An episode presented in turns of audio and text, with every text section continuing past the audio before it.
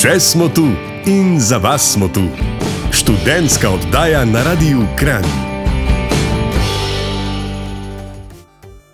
Hej, hej, teden je okol, sreda je danes in ura je že odbila sedem zvečer, čeprav se ne zdi čistko. Mene te poletni večeri kar mal zmedejo, ker so res dolgi dnevi in pol mal izgubim občutek za čas. Ampak se ni važno v bistvu. Kjerkoli ste trenutno zdale, poslušate Radio Kran in spet je čas za sredino študentsko radijsko oddajo Kluba študentov Kran. Danes bom z vami Ana Benedik in nisem sama v studiu. Družbo mi bo delal en svež, mlad, perspektiven, zanimiv gost, industrijski oblikovalec ter moj dobri prijatelj Urban Boštic. Živijo Urban, kako si? Živijo, Ana. Um, v redu, predvsej sem navdušen, ker sem danes v bistvu prvič na radiju. A pa imaš kaj treme? Pa niti ne, zaenkrat še ne. No, to je super. Ker to je tudi izgovor, pol, da jaz tudi ne rabim imeti treme, ker sem ne prvič na radiju. No, jaz sem full vesela, da si se odzval na moje povabilo in si si vzel čas in mi boš danes delal družbo tukaj v studiu. Z Urbanom sva se spoznala, ko sem, začela, ko sem se začela enkrat tedensko voziti v crklje na Gorenskem, kajti iz uh, okolice crkl prihaja Urban. Tam sva kar nekaj let skupaj igrala v godbi crklje. Potem sva pa oba hodila na isto gimnazijo, Škofijsko klasično gimnazijo v Šentvidu, in me je moral bošček gledati še na šolskih hodnikih. Po končani gimnaziji se me pa tudi še nič znebil, namreč zdaj še vedno skupaj prepevava v komornem zboru Megaron. Tako da lahko rečem, da se že kar dolgo in dobro poznava. Spremljam ga tudi na socialnih omrežjih in ker se mi zdi ta njegov študij in njegovo delo uh, posebna in zanimiva, sem se odločila, da ga povabim v oddajo, da še drugim kaj več pove o tem. Mogoče pa koga izmed vas, dragi poslušalci, motivira um, pri izbiri študija ali dela, ali pa vam vsaj da kakšno idejo, ko boste živčno iskali darila v imenu Božička. Torej, urban, za začetek povej nam malo o sebi, kakšna je bila tvoja pot do zdaj, malo se predstavi. Um, ja, v bistvu po osnovni šoli sem se upisal na Škofijsko klasično gimnazijo, kot si že rekla. Um, in to sem v bistvu vedel že od svojega petega razreda, ker je tja hodila moja sestrična in je šolo zelo pohvalila. In tudi meni je bilo tam zelo všeč, dobil sem ogromno znanja in izkušenj, ki mi tudi zdaj v življenju pač zelo koristijo. Um, izpostavil bi tuje, tuje jezike, za katere sem dobil zelo dobro osnovo, ampak brez konstantne vaje in nekega samostojnega učenja in tako ne gre, ker sem pa žal spoznal veliko prepozno. Um, in pa tudi slovenščina um, je bila zelo dobra tam in mi je zelo všeč, da sem hodil na gimnazijo, ker um, čeprav nisem nek ekspert za slovenščino uh, in tudi jaz delam veliko napak, ampak vidim, da sem v boljši polovici, kar se tega tiče. Um, in tam sem se tudi navdušil nad zborovskim petjem, kar me pa spremlja še danes. In v bistvu, kot veš, imamo doma mizarsko podjetje in vse čas srednje šole sem mislil, da bom po končani gimnaziji se upisal na biotehniško fakulteto, smer lesarstvo in tako bi prevzel družinsko podjetje, kar je tudi moja želja. Um, v bistvu potem med počitnicami pred četrtim letnikom pa sem začel razmišljati, kako bi lahko prinesel neko dodatno znanje, pa svežino v domače podjetje. In tako sem po kratki raziskavi naletel na študij industrijskega oblikovanja na Akademiji za likovno umetnost in oblikovanje, in tja sem se potem tudi upisal. Um, v prostem času, pa ko nisem v šoli, v službi in kje druge, pa v bistvu pojem v nekaj izborovskih zasedbah, sem tudi aktiven v našem prostovoljnem gasilskem društvu um, kar mi pa ostane časa, ga pa porabim za dodatno delo ali pa za druženje z družino oziroma prijatelji. Skratka, si precej zaseden in vsestranski človek. Jaz mislim, da je to samo koristno, kaj ti vsaka izkušnja ti nekaj da. Vsak pa ima svojo pot v življenju. Kako bi rekel, da je tvoja življenjska pot posebna, kakšne so tvoje sanje? Um, ja, lahko bi rekel, da je moja pot mi bila položena v zibelko. Takoj, ko imaš doma podjetje, je pogosto želja staršev, da otroci to podjetje prevzamejo. Um, meni je delo z lesom in ustvarjanje zelo všeč, um, ker sem bil celo otroštvo dan s tem. Um, seveda imam pa veliko tudi drugih sanj, ki bi jih rad dosegal. Nekako vse te sanje pa povezuje ena želja, da bi v bistvu pustil nek pečat na tem svetu. Um, to se mogoče sliši zelo klišejsko, ampak nekako bi rad, da se me ljudje zapomnijo po nečem posebnem. Jaz verjamem, da glede na tvojo aktivnost vse povsod, si te bomo sigurno zapomnili. No, tok za začetek, dragi poslušalci, gremo zdaj na en komat, potem pa nadaljujeva z urbanom. Ostanite z nama. Še smo tu in za vas smo tu. Študentska oddaja na Radiu Kran. Kot obljubljeno, sva že nazaj. Ana Benedik in moj današnji gost, industrijski oblikovalec Urban Boštic, ki obiskuje Akademijo za likovno umetnost in oblikovanje v Ljubljani. In ker je to študentska radijska oddaja, ste ciljna publika, dijaki in študentje. Mogoče se kdo izmed vas še ni čisto našel in razmišlja o upisu na srednjo šolo ali fakulteto. Zato mi povej, Urban, kako poteka postopek upisa na tvoj faks. Verjetno si pred upisom moral opraviti kakšen sprejemni izpit. Ja, tako je. Sprejemni izpit na ALO šteje 90% vseh točk pri upisu. Um, matura in uspeh v srednji šoli sta zelo zanemarjena. In kot verjetno veš, jaz sprejemcev v prvem poskusu nisem opravil, tako da sem eno leto obiskoval predavanja na fakulteti za dizajn, ki sicer ponuja podobne študije kot ALO, ampak mi način dela tam ni odgovarjal, pa tudi malo me je žrlo to, da nisem opravil sprejemnih izpitov na dokaj visokem nivoju. In po, zato sem potem naslednjo leto poskusil še enkrat in uspel. In to v bistvu tudi pove eno pomembno stvar o meni, da pri vsem hočem biti vsaj v boljši polovici, če ne celo med najboljšimi. In tako mi neko drugo razredno početje ne da miru in vedno stremim k izboljševanju. Ja, tlete jaz kar razumem, ker se strinjam, da je treba vedno imeti neke cilje in le tako lahko napredujemo in se izboljšujemo. Kako pa izgledajo ti vaši sprejemni izpiti? Sprejemni izpit je v bistvu sestavljen iz, sestavljen iz štirih nalog in vse moraš upraviti dovolj dobro. Te naloge preizkušajo tvojo nadarjenost oziroma sposobnosti, gre pa za znanje o konstrukcijah in neki logični fiziki, to je prva naloga. Potem je risanje celopostavnega modela, da vidijo, če znaš ujeti proporce, um, pa oblikovanje neke kompozicije, da preverijo tvojo kreativnost, in na koncu je še oblikovalska naloga, kjer ti dajo nek problem in ti ga moraš po svojih močeh čim bolje rešiti. Kdo pa recimo hoče po končani diplomi še na podiplomski študij, mora pa še enkrat na sprejemne izpite, ki so pa nekoliko bolj sproščeni. Predložiti moraš samo svoj portfolio, portfolio in upraviti razgovor, in v bistvu vse skupaj je zelo podobno razgovoru za službo.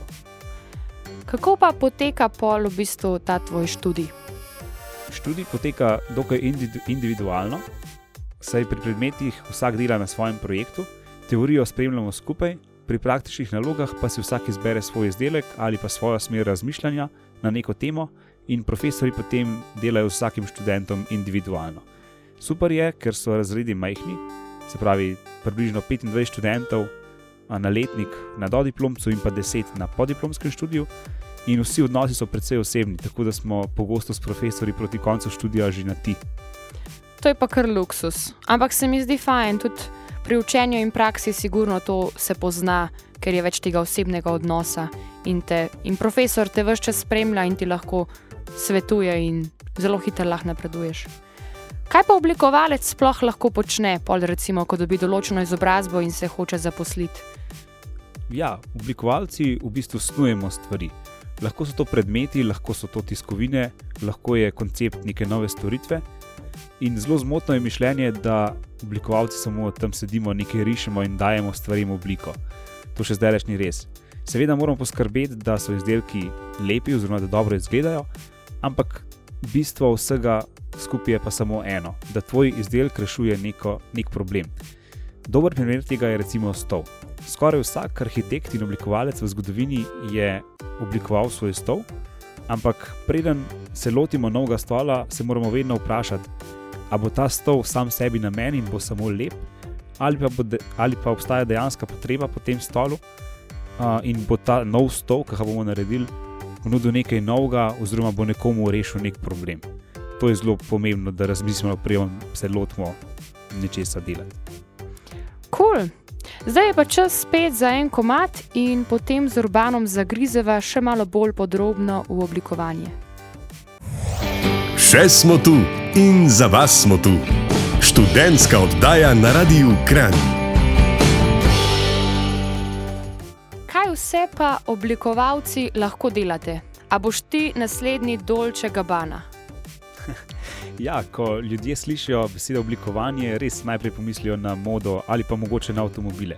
Ampak oblikovanje je veliko širša stroka in še zdaleč ni umetniška smer, kot ljudje pogosto mislijo. V Slovenijo nam gre malo v škodo dejstvo, da študij oblikovanja poteka na Akademiji za likovno umetnost, saj nas ljudje takoj dajo v isti koš z umetniki. Medtem ko študij industrijskega oblikovanja v tujini najpogosteje nastopa skupaj z študijem arhitektura, arhitekture, zelo pogosto celo na tehničnih univerzah. Um, se pa oblikovanje deli na več vej.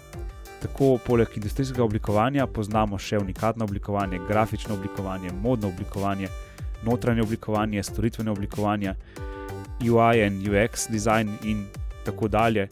In niti modnega oblikovanja, za katerega bi mogoče rekli, da je umetnost, ne moremo opredeliti kot umetnost. Saj morajo oblikovalci poznati materijale, poznati morajo postopke obdelave, pri svojem delu morajo veliko raziskovati in se problemov lotevati analitično. Kaj je pol torej industrijsko oblikovanje?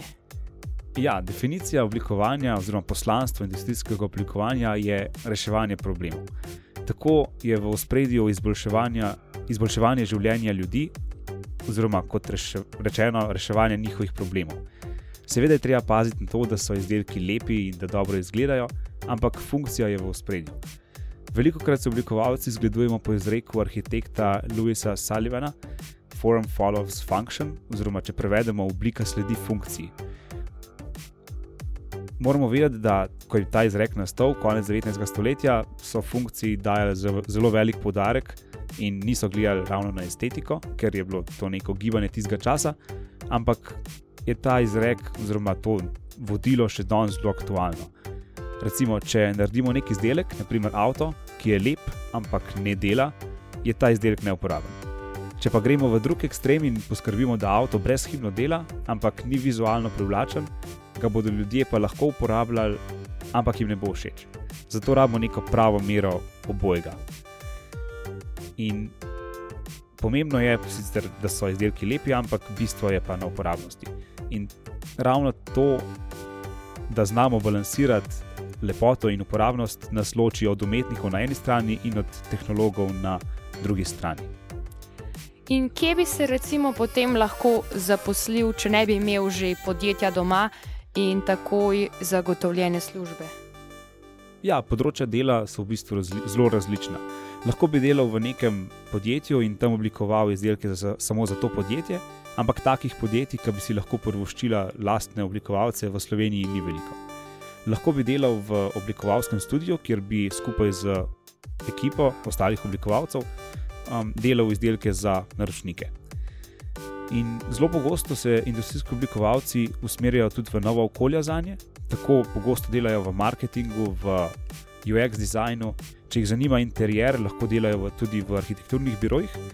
Seveda pa vse veje, za vse veje oblikovanja ne obstajajo šole in recimo, če nekoga zanima neko področje, se ga mora naučiti sam oziroma skozi prakso.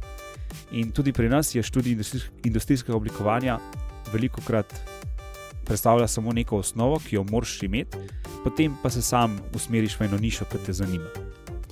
In kot oblikovalec, verjetno tudi veliko načrtuješ. Kako izgledajo te tvoje skice? A to rišeš kar na roko, ali je to zdaj vse z računalnikom že? Oblikovalci smo zelo vizualni ljudje um, in najlažje razmišljamo skozi risanje oziroma neko krcanje. to ima več prednosti.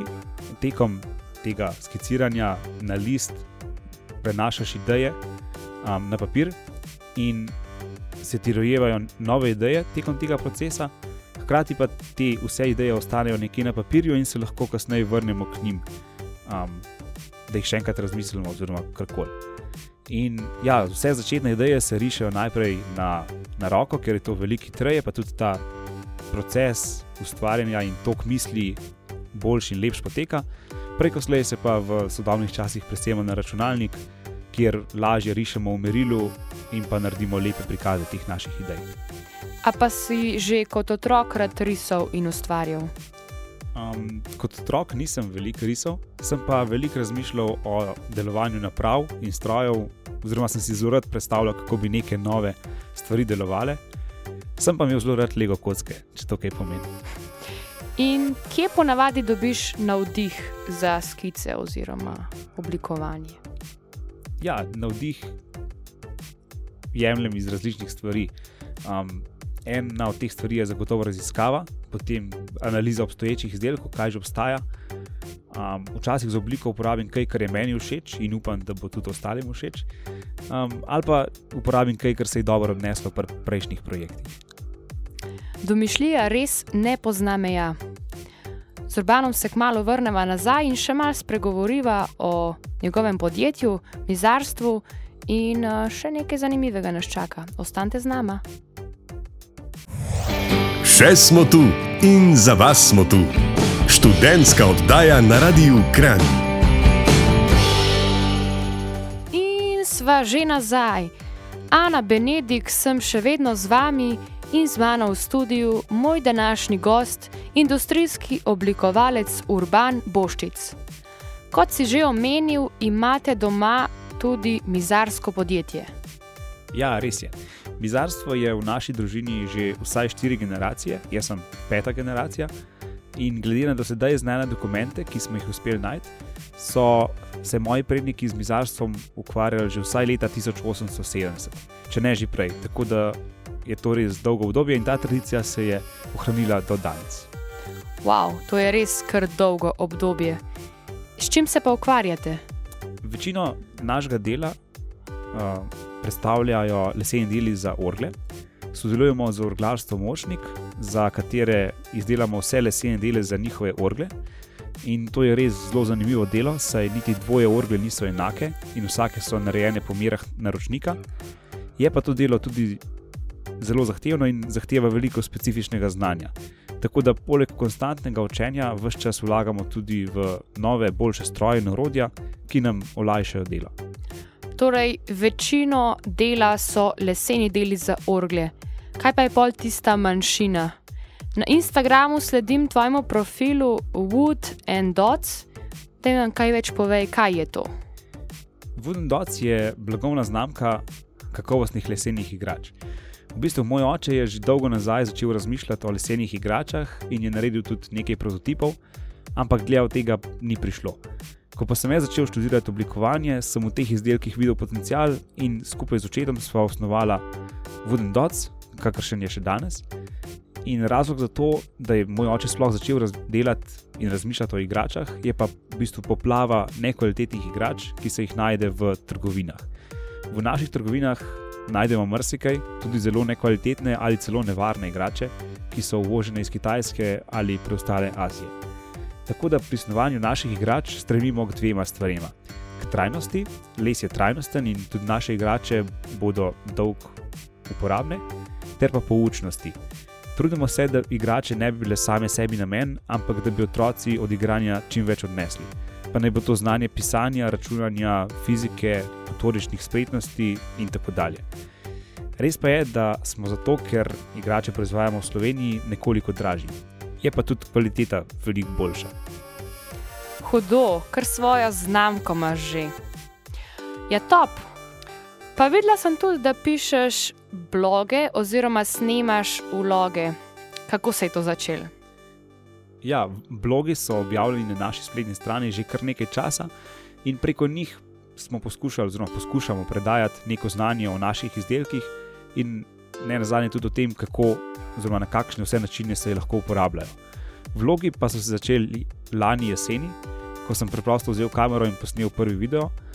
Um, želel sem ustvariti nek kanal, kjer bi lahko prišel v stik z potencialnimi kupci oziroma z ljudmi, ki iščejo izdelke, ki jih mi delamo, se pravi, igrače, ki so zelo kakovostne. Vlog je v bistvu samo nadgradnja bloga in spremlja ga več ljudi, ker ljudje pač raje gledajo videe, kot berejo. Sem pa imel veliko srečo, ker je moj prvi video videl moj sošolci iz osnovne šole, Ned Selan, in potem me je poklical in mi omenil, da se v prostem času ukvarja s snemanjem in mi ponudil pomoč. Tako da je pri vseh naslednjih epizodah vloga imel tudi on prste zraven. O čem pa vlogaš pol? Ja, Wooden Dots vlog je namenjen vloganju o igračah in o stvarih povezanih s tem, se pravi o varnosti igrač. Obstajajo zelo dolgi zakoni in predpisi glede tega, in ljudje pogosto tega sploh ne vejo. Um, in pa o tem, kaj moramo recimo paziti, ko kupujemo igrače. Recimo, predstavljamo dobre igrače, ki si jih je vredno pogledati in mogoče razmisliti o njih, da bi jih kupili. Um, podajamo pa tudi informacije, ki so staršem pomembne, pa se mogoče sploh tega ne zavedajo, kot že omenjeno, varn, da so to, da so igrače varne. Um, in ja, vlog je sicer še zelo mlad, um, nima še veliko vsebine, jo pa načrtujemo, ker je odziv na dosedanje epizode bil zelo pozitiven. Cool. Jaz mislim, da se splača to počakirati na tvojem YouTube kanalu Wood, Wood and Dots. Um, pa pa me še zanima, recimo, omenil se te igrače, ki jih izdelujete, kje lahko to naročimo. A je to recimo gre za oseben prevzem, imate kakšno trgovino ali je to samo preko spleta? Ja, imamo spletno trgovino, ki jo najdete na www.vodendots.com. Seveda pa smo veseli tudi, če nas kdo obišče v naših prostorih. Super, zaenkrat toliko z urbanom se še zadnjič vrneva, do takrat pa še en komat. Ostanite z nama. Še smo tu in za vas smo tu. Študentska oddaja na Radiu Kran. In še zadnjič danes z vami Ana Benedik in moj gost, industrijski oblikovalec Urban Boštic. Urban, med tem komadom sem zelo razmišljala, prej so omenjala tvojo blagovno znamko Wood and Dots. Kaj pa to pomeni, zakaj tako ime? Ja, v bistvu hoteli smo povedati, da so ti izdelki narejeni iz lesa in pa da so igrivi, kar igrače tudi so. Ne? In pike so se nam zdele tako igriva stvar, tako da smo potem blagovno znamko poimenovali Wooden Dots v angleščini, zato da bi bili tudi mednarodno lahko dostopni ljudem. Um, ampak ja, to je razlaga imena, se pravi igrivost in pa les. Kateri pa so bili tvoji največji izzivi, ki si jih moral premagati na tej svoji dosedanji poti? Eden od izzivov, s katerim se konstantno soočam, um, je prepričanost vase oziroma v svoje delo. Um, pogosto, tudi ko se pogovarjam z ostalimi mojimi kolegi, oblikovalci, je to nek kompleks, ki ga imamo vsi, da občudujemo dela drugih, naša se nam pa zdijo, ne zdijo dovolj dobra. V zadnjem času pa se veliko ukvarjam s tem, kako optimizirati porabo mojega časa in kako povečati neko mojo produktivnost, zato da bi imel dovolj časa za vse stvari, s katerimi se ukvarjam. Super. Za konec nam pa še povej, kje te lahko poslušalci najdejo. Verjetno na Facebooku, Instagramu, YouTubu. Ja, vse naše znamke so prisotne tako na Facebooku kot na Instagramu. Se pravi, če vtipkate Wooden Dots ali Wooden Dots vlog v katero koli od teh platform, boste sigurno kaj najdel. Wooden Dots vlog je tudi na YouTubu. Um, lahko pa nas najdete tudi na naših spletnih straneh, se pravi www.woodendots.com ali pa www.mizarstvo.bostic.si. Če pa koga, koga zanima, kaj v zvezi z igračami, našim delom ali pa študijem oblikovanja, naj mi pa kar napiše sporočilo na eni od teh platform. Urban, hvala, ker si bil moj gost. Če se je kdo izmed vas šele zdaj priklopil ali pa bi želel o industrijskem oblikovanju izvedeti še več, lahko kontaktira Urbana, kot je že povedal, ali pa to oddajo posluša še enkrat na katerikoli aplikaciji za podcaste, ki jih ima vsak telefon, ne glede na to, ali je to Android ali Apple. Tam na teh aplikacijah za podcaste arhiviramo vse naše radijske oddaje. Še več o naših dogodkih, torej dogodkih kluba študentov Kran, pa lahko najdete na spletni strani uh, www.ksk.si. Teden mladih še vedno traja, letos v razširjeni verziji. Poleg tega se pa dogaja še marsikaj. Tako da počakajte spletno stran, da vam ne bo dolg čas med počitnicami, seveda pa tudi Facebook in Instagram profil. Hvala, Urban, še enkrat, da si bil z mano. Um, torej, z vami sem bila Ana Benedik, moj gost Urban Boštic in tonska kraljica, brez katere te oddaje pač ne bi bilo, to je Anja Stare. Majte se fajn, še naprej izkoriščajte dolge poletne dni in se poslušamo spet naslednjo sredo ob sedmih na 97,3. Čau! Poslušali ste študentsko oddajo Radia Kran. Vaše predloge in komentarje z veseljem sprejema urednik Laurence HB na elektronski naslov laurence.hb afna ksk.si. Še smo tu, vaš klub študentov Kran.